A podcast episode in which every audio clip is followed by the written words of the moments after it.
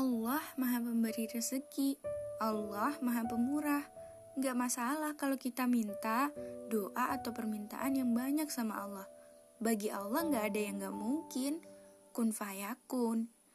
Tapi dalam berdoa sebagai seorang muslim, kita juga harus punya adab dong.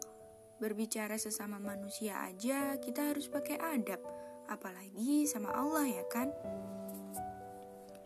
Seperti yang kita tahu bahwa doa kita itu akan Allah kabulkan melalui salah satu cara dari ketiga cara Allah mengabulkan doa hambanya. Di antaranya, Allah akan langsung mengabulkan, Allah tunda, dan Allah akan selamatkan apabila doa itu tidak baik untuk kita. Lantas, kalau misalkan kita udah doa, tapi nggak Allah kabulin, mungkin ada salah satu cara terbaik Allah mengabulkan doa kita. Tapi sadar nggak sih, kita tuh kan doa ya, minta nih sama Allah. Kalau kita minta uang jajan aja harus sopan sama orang tua, harus pakai adab. Berarti sama Allah harus lebih beradab lagi dong tentunya. Kadang bukan karena Allah nggak mau ngabulin doa kita, tapi kitanya aja yang kurang introspeksi diri. Permintaan kita banyak, permintaan kita beribu-ribu, tapi sujud kita terburu-buru. Sholat masih seingatnya, tapi meminta semaunya.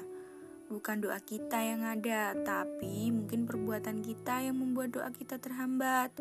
Berdoa, tapi masih melakukan maksiat. Kalau kita meminta sama Allah, kalau kita berdoa sama Allah, ya harus diimbangi dengan adab-adab kita dong.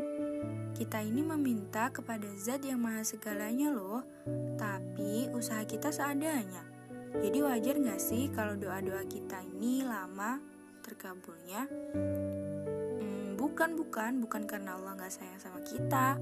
Mungkin kita aja yang kurang introspeksi diri. Antara doa sama usaha gak selaras. Jadi perbaiki adab ya. Semoga aku, kamu, dan kita semua selalu Allah beri kemudahan dalam meraih ridhonya. Amin.